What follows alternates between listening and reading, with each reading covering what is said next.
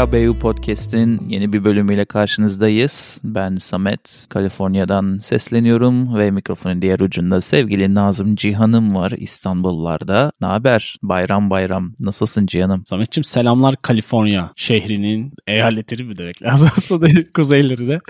Valla bayram heyecanı her bir yanımı kaplamadı. Sardı. Saramadı. Seyir nasıl? Ya burada da çok bir bayram havası yok takdir edersin ki. Ama dün şöyle bir şey yaptım. Bir Reading Çok- denen yere gittim ki orayla ilgili de ileride bir bölüm yapmak istiyorum. Çünkü nasıl olduysa bu küçük Reading denen kasabadan dünyaya bir tarikat yayılmış. Onu cebimdeki Hayret. konulardan biri. Aynen hayret. Zaten küçük yerlerden yayılıyor gibi bu tarikat olayları. Ya çok çok ilginç bir yer. Çö- çölün ortasında ve aşırı sıcaklıkların olduğu ve bayağı ilginç bir seçmen profilinin bulunduğu bir yer diyeyim böyle kibar Yine- tabirle. Sen yine sudan uzak, yine böyle daha iç taraflarda ve yine benzer bir seçmen profili yani. Ama Samet neden ola ki böyle bir yere gitmiş diye soranlara. Oraya bir sanatçı Mısır'da Tutankamon kralının e, kazısından bulunan bütün artifekleri, bütün kalıntıların replikasını, %100 replikasını Hmm. üretmiş. Oraya onun sergisi açılmış birkaç aylığına. Oraya gittik arkadaşlarla. Dolayısıyla böyle gizemli, ne bileyim bilinmeyenler bölümlerine dokundurulacak bir havada geçti benim günüm. Öyle bir hafta Hmm. sonuyla gidiş yaptım. E, bugün de zannediyorum yine böyle gizemli veya bilinmeyenlere yakın bir konuyu da şimdi gündeme getireceğiz. Ne dersin? Yani bir nevi replika oluyor belki de bu da. Bö- Bölüm çünkü orijinali bilinmediği için orijinalinin kopyası belki de. Bugün sevgili dinleyenle wow sinyali olarak bilinen ve belki de bu tarz araştırmalar içerisinde elde edilen en uzun sinyal 72 saniye civarında olan bir sinyalden bahsedeceğiz. Peki Sametçim nedir bu wow sinyali? Ohio Devlet Üniversitesi'nde Big Ear, Koca Kulak isimli bir radyo teleskopu var.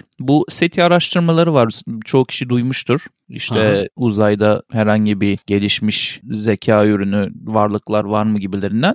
Aslında onun bir uzantısı veya bir parçası olan bir Programı proje. evet. Orada Dr. Jerry Ehman diye bir bilim adamı var. 15 Ağustos 1977 tarihinde kaydettiği uzaydan gelen kaynağı bilinmeyen çok güçlü bir radyo sinyali. Kısaca tanımı bu. Bu adam orada gönüllüymüş bunu kaydederken aslında kendi işi gücü var. Oraya gidip bir kağıdın çıktısına yazılan bazı sinyalleri okuyor Hı hı. arada sırada. Bazen 2-3 gün gecikmeli okuyor gönüllü okuduğu için. Dolayısıyla hikayemiz orada başlıyor. Bir gün onun bir asistanı ona son 2-3 günün raporlarını getiriyor. Orada göz atarken bir şey görüyor, çok etkileniyor ve yanına bildiğin wow diye W yazıp bir de ünlem işareti koyuyor ve bunun da resmi de var zaten şu anda. Hatta Evet. ee, Daha sonra anlatırız. Kağıdın kendisi de şu anda hala ziyarete açık bir şekilde korunuyor. Ama istersen birazcık lafı da sana vereyim. Burada neden bu sinyal bu kadar ilgisini çekmiş onun? Böyle basitçe aslında sistemi anlatıp dinleyiciye bunun neden bu kadar farklı olduğunu birazcık tanımlayabiliriz. Şimdi senin dediğin sinyal ne olarak kağıtta gözüküyor? 6, E, Q, U, J, 5 olarak gözüküyor.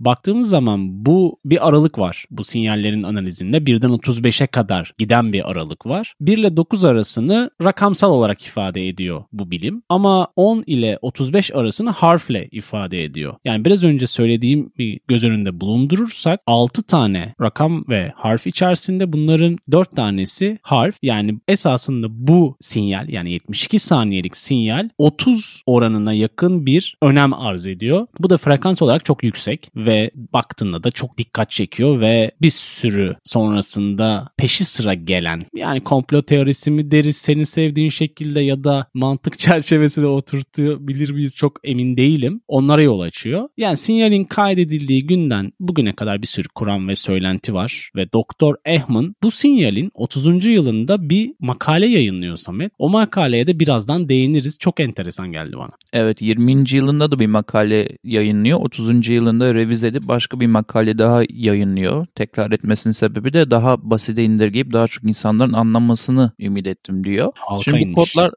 Şimdi bu kodlarla ilgili şöyle bir şey eklemek istiyorum. Genelde bu günlük kağıtlara bakıyorlar dedik ya veya birkaç günde bir. Genelde orada senin verdiğin bu birden 35'e kadar önem arz eden sinyallerin işte sekansında birden 3'e kadar hep değişkenli olarak sinyaller geliyor. Bunlar neler? Background reading dediğimiz doğal olarak uzayda bulunan e, radyo frekanslarını ölçüyor. Yani 1 oluyor, 2 oluyor, 3 oluyor, 1 oluyor, 3 oluyor, 2 oluyor, 1 oluyor. Böyle saçma sapan bir e, sıkkınlık içinde tek düze bir görev aslında bu adamın baktığı. Dolayısıyla onun kendi tanımıyla senin bahsettiğin 6 E, Q, U, J, 5 sekanslı kodun bırak içindeki harfleri diyor. Onun içinde herhangi bir 6 veya 9 bile bir şeyler için huylanmamıza yetecek büyüklükte. 30'u Bir veri. hiç hayal bile edemiyorlar ki o zamana kadar hiç görmemişler ve sonrasında Evet. da tabii e, soru işaretleri bayağı bir e, kafalarını belirince ilerleyen teknolojileri ileride de hem de o zamanda çünkü 1977'den bahsediyoruz. Bayağı Hı bu hı. sinyali tekrar bulabilir miyiz diye başka teleskoplarla da aynı yöne doğru bazı okumalar yapmaya çalışmışlar. Peki bu peki bu sinyal nasıl bulunmaya çalışıldı? Burada mesela Robert Gray diye bir araştırmacı birden fazla kez son 10-12 yılda sürekli bunu deneyerek e, özellikle Harvard'ın SETI sisteminden yararlanarak daha büyük ve daha gelişmiş teleskoplarla bu sinyali bulmaya çalıştı. Şu ana hı. kadar benim bildiğim kadarıyla hiç kimse bu sinyali tekrar bulamadı. Hatta şöyle bitireyim. iki tane boynuz varmış. Boynuz diye geçiyor İngilizce'de bu antenin e, başında sinyalleri okumak için yönelen iki tane antenin boynuzu varmış. Normalde bir şeyi okuduğu zaman 5 dakika aralıkla ikinci boynuzunla aynı sinyal okuması gerekiyor ve bu bunun confirmation yani e, işte onaylaması gibiymiş. Bu voice signalinde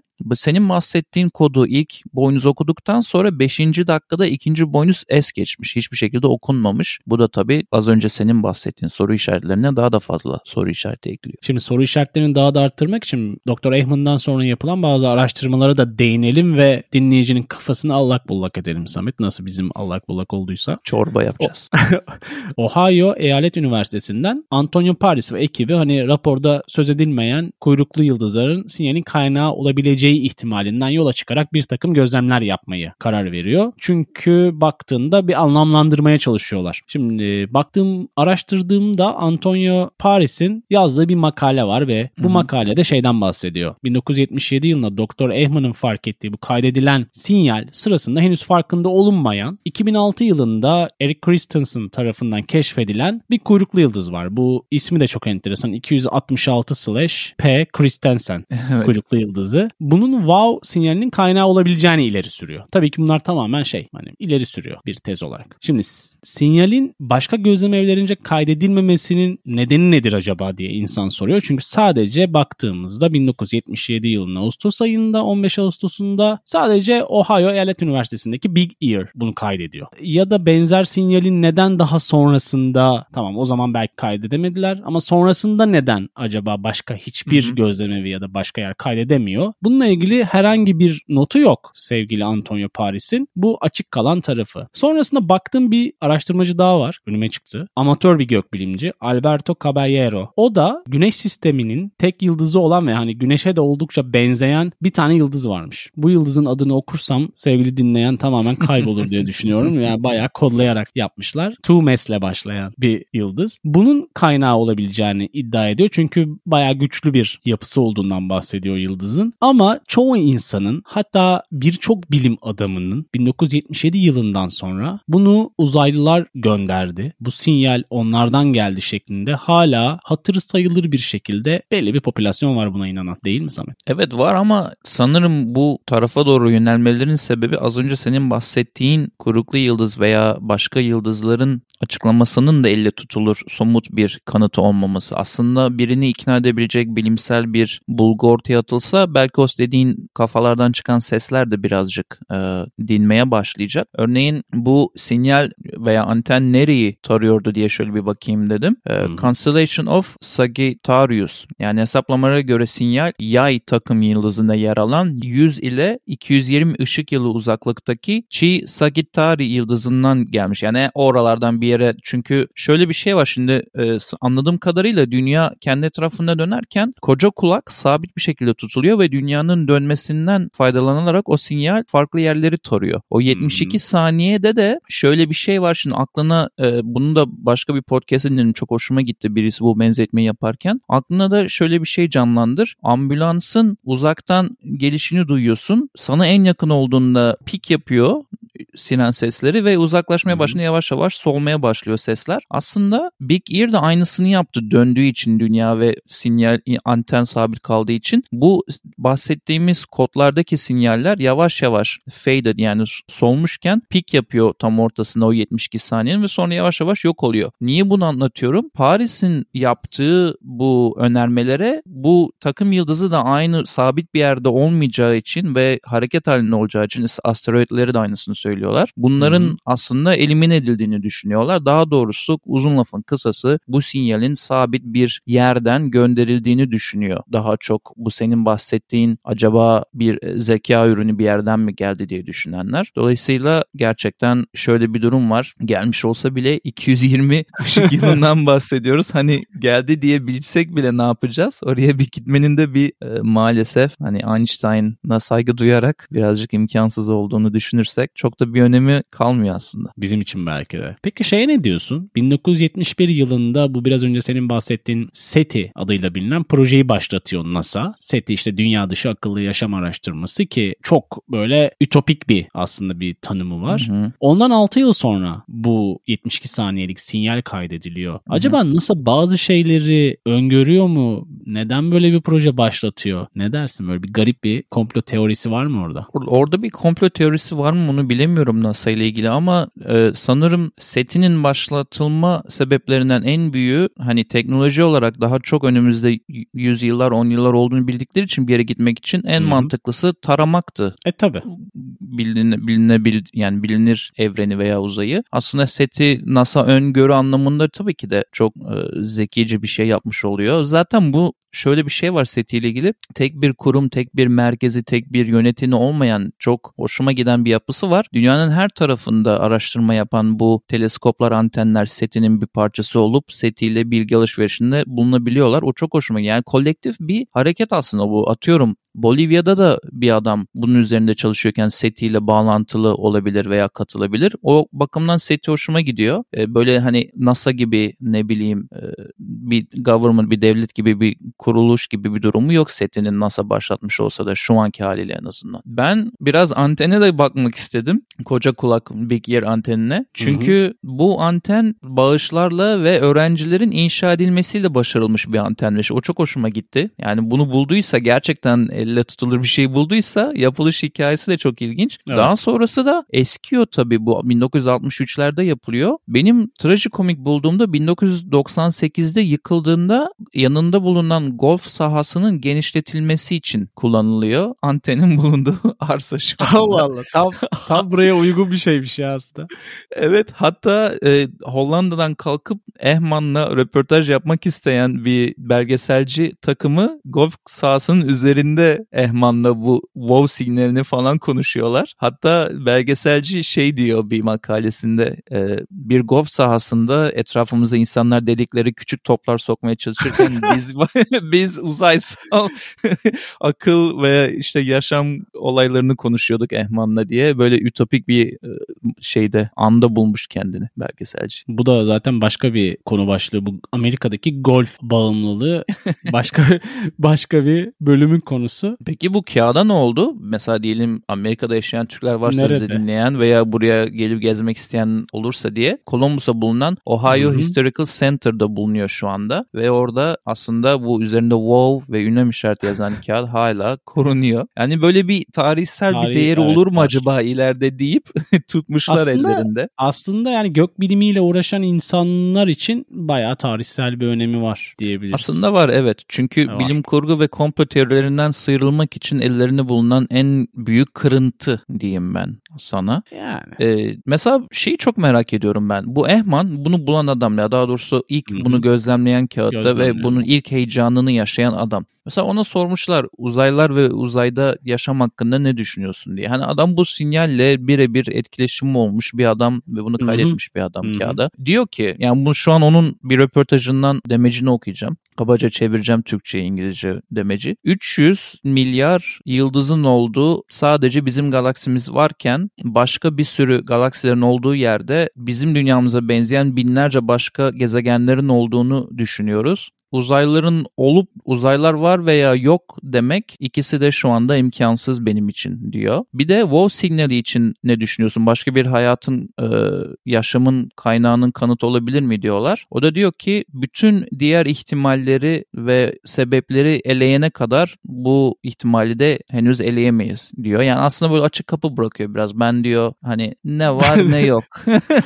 hani istemem yan cebime koy gibilerinden demeçleri var. Ama uzaylılara Hmm. evet diyor. Yani aslında bence yaşıyor uzaylılar diyor aslında. Oradan onu anlayabilirsin. Bu 20. yıl makalesine biraz e, değin istersen Evet. merak ettim. Orada neler bahs- nelerden bahsetmiş Ehman. Şimdi 20'den sonra 30. yılda hani güncellediği ayrıntılı raporda bunu da internet üzerinden yayınlamış. Hani açık bir makale olarak herkes ulaşsın diye. Senin de biraz önce ifade ettiğin gibi halka inmiş aslında tanım olarak belki de. Bu 72 saniyelik sinyalin tamamen dünyanın dışındaki etmenlerden oluştuğunun da bahsediyor aslında. Hani hem yıldızlar hem etraftaki galaksiler olabilecek alternatifler üzerinden söylüyor. Ama bunun hani farklı birileri tarafından yollanmadı. Yani aslında orada benim de anladığım kişisel çıkarım yani bir uzaylılar tarafından bu sinyalin iletilmediği galaksideki yapılardan geldiği şeklinde bir makale olarak ben özümsedim onu. Yani uzaylılara inanıyor olmakla birlikte bir anlamda o sinyalden bağımsız olduğunu düşünüyor. Zaten hani gök bilimiyle ya da uzayla uğraşan insanların aradığı iki temel şey var belki de. Bir tanesi uzayda yaşam, diğeri ise acaba başka canlılar galaksilerde karşımızda duruyor mu? Katılıyorum sana biraz çekimser bir durumu var kendisinin. Ben bir de şöyle sonlara doğru ha şeyi de eklemek istiyorum unutmadan. Niye böyle düşünüyor? Hani dünyadan bir telsizdir, bir dünyanın tarafındaki uydudur Evet. veya dünya Aha. neden onlardan biri olamaz diye düşünüyor. Onu da açıklayalım dinleyene. Şimdi bir spesifik bir frekans bandı var. Sadece bu antene özel ayrılan ve başka hiç kimsenin dünyada kullanmaması gereken ve kullanamadığı. O yüzden diyor hani gidip de basit bir hata olamaz bu. Bir polisin bir telsizi gibi bir şeyler de iddialar da ortaya atıldı geçmişte.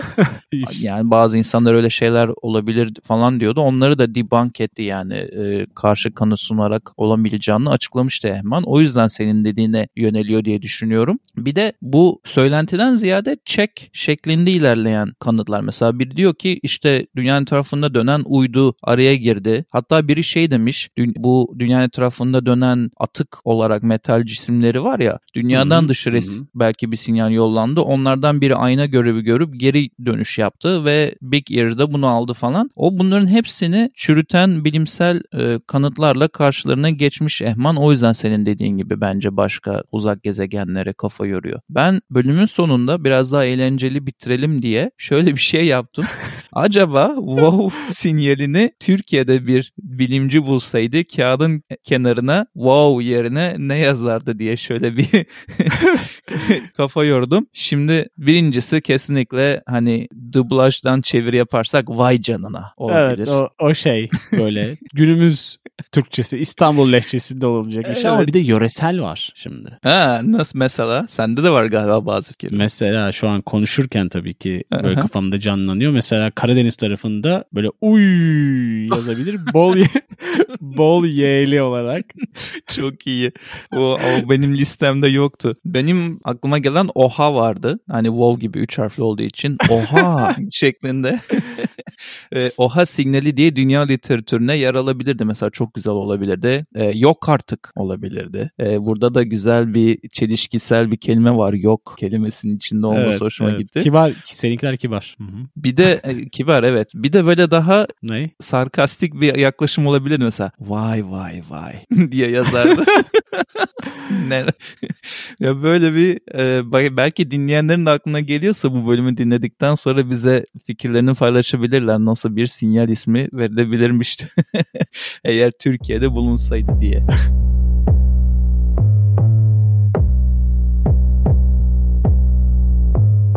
ne öneriyoruz kısmıyla bir kez daha sen dinleyin. Karşısındayız. Her zaman olduğu gibi sizinle bazı önerilerimizi paylaşacağız ve karşımızda sevgili Samet var. Şimdi bayağı bölüm yaptık. Geriye doğru sardım baktım. Ta 26. bölümde artık ne zaman yayınladıysak 26. bölümümüzü. Meçhul cisimler meşhur cisimler e, UFO bölümü yapmışız. Yani bu aslında hatırladığım kadarıyla yüzeysel bir bölümde. Onun içinden bir sürü onlarca evet. bölüm de çıkar ama evet, evet giriş bölümü gibi düşünelim onu hani UFO'lara giriş bölümü gibi. O bölümde ne öneriyoruz kısmında benim için efsane olan bir film önermişim. Bu filmde WoW signalinin daha doğrusu bu filmin WoW signalinden esinlendiği söylentileri arasında. Bu filmin adı da Contact. Ee, belki Hı-hı. sen de izlemişsindir. Çok çok iyi bir filmdir. Bir çok sinyalle eskilerden, alakalı. Eskilerden Hı-hı. bir demet. Ama şimdi onu zaten önerdik diye benim kişisel olarak içinde uzaylı veya uzaysal varlıkların olduğu çok sevdiğim hangi film var diye düşündüm önermek için. Geç geçmişten birkaç kez izledim ve hmm. E.T. demeyeceğim tabii ki de korkma. geliyor, geliyor gibi olmadı mı? E.T. geliyor gibi oldu. Ee, District 9 filmini önermek istiyorum. Sen izledin mi bunu bilmiyorum ama bu filmin şöyle bir farklılığı var benim nezdimde. Birincisi belki birçok dinleyen de bunu kendine sormuştur. Ne zaman uzaylı filmi izlesen bu uzaylılar Amerika istila ederler. Başka bir ülke yokmuş gibi dünyada ve sürekli e, Los Angeles, New York taraflarını istila ederler. Başka şehir de yokmuş gibi. Bu filmin şöyle güzel bir özelliği var. Film çoğunlukla Güney Afrika'da geçiyor ve aslında uzaylılar birkaç büyük şehir istila ederken Güney Afrika bunlardan en ciddi etkileneni. Diğer Hı-hı. özelliği de zamanında böyle devrim niteliğinde bir çekimsel yaklaşımı yönetmenin. Çünkü newscast veya documentary yani belgesel veya haber yapıyormuş gibi böyle birinci kamera sırtındaki kamera açısından çekmişler filmi. Çok ilginç ve sürükleyici nefes nefese bir film. Çok hoşuma gidiyor. Onu mutlaka mutlaka herkes izlesin. Bu bölümü dinleyip de henüz izlememiş olanlar. iyi vakit geçireceğinize eminim. Ee, çok uzatmayayım. HKBO dinlencesi adı altında seninle yarattığımız bir çalma listemiz var. Bütün dinleyenlerle paylaşmak için her hafta güncellediğimiz. Oraya Monophonics grubundan Lying Eyes şarkısını eklemek istedim. Bir de klasik sanıp iki eklediğin için diğer sevdiğim bu aralar bir şarkı daha var. Ee, Ten Years After adlı grubun I Would Love to Change the World şarkısını eklemek istedim. Ve bunun eklemelerinin akabinde de acaba sevgili Cihan'da bugün neler var neler yok diye heyecanla kulağımızı sana veriyorum. Teşekkürler Samet'ciğim. Şimdi iki şarkı eklememin aslında temel bir sebebi var. Hmm. E, bir Route 66 olayı var. Oraya bir hazırlık yapıyoruz ve bu yani rota biraz uzun olduğundan dolayı yani saat sayısını arttırmamız gerekiyor. Hedefte zaten yol boyunca dinlemek değil mi sevgili Samet? Kesinlikle. Şimdi bende iki tane şarkı var ama öncesinde böyle sürekli önerdiğim bir YouTube kanalı var. Orada yeni başlayan bir bölüm var ki sen de geçen seninle konuştuğumuzu hatırlıyorum. Severek izliyordun sen de. Kafa TV'de Hı-hı. dert dinleme servisi. O baya baya saçma ve eğlenceli böyle hani senin sevdiğin binge watching dediğimiz şeyi böyle açıp kenarda dursun binge böyle. watching evet. Ben ben e, gibi dizisini çok seviyorum ya oradaki oyuncuların evet. da bu senin bahsettiğin seride ha, evet. yer almaları ayrı bir sevindirdi beni. saçma ama keyifli. Ondan sonra iki tane de şarkı var. Bir tanesi Dilan Balkay hanımefendiden Düş isimli şarkı. Diğeri ise Sia'dan Soon Will Be Found. Bunlar HKBU dinlencisi playlistlerimizde olacak YouTube, Deezer ve Spotify'da sevgili dinleyen. Bu Sia yüzünü ifşa etti mi? Bayağıdır maskeyle takılıyordu ya. Acaba gösterdi mi yıllar sonra? Çünkü ben takip etmeyi bıraktım. Genelde öyle bir numarası vardı. Maskeyle takılır dedi. Yani Güzel bazı, bir pazarlama yöntemi. Bazı insanlar bunu tercih ediyorlar. Ya belki pazarlama belki de tamamen hani şu an popüler kültür içerisinde bir anda patladığın zaman sokakta yürüyemez hale geliyorsun ya. Belki hmm. ondan da hmm. kaçmak olabilir. Hani bak empati yaptım yine haklı vay, vay, vay. ya da haksız bilmiyorum. Ama şeyi şeye hakim değilim hani Sia'nın yüzünü açıp açmadığına ya da nasıl böyle fanı değilim ama şarkıyı çok sevdiğim için evet, evet, paylaşımda ben de bazı bulundum. Şarkıları. İyi bir sesi var zaten. Evet evet iyi bir sesi var. Ben de bazı şarkılarını seviyorum. Magazinsel bir soruyla bitirelim diye öyle sordum birazcık da. Magazin yapalım canım.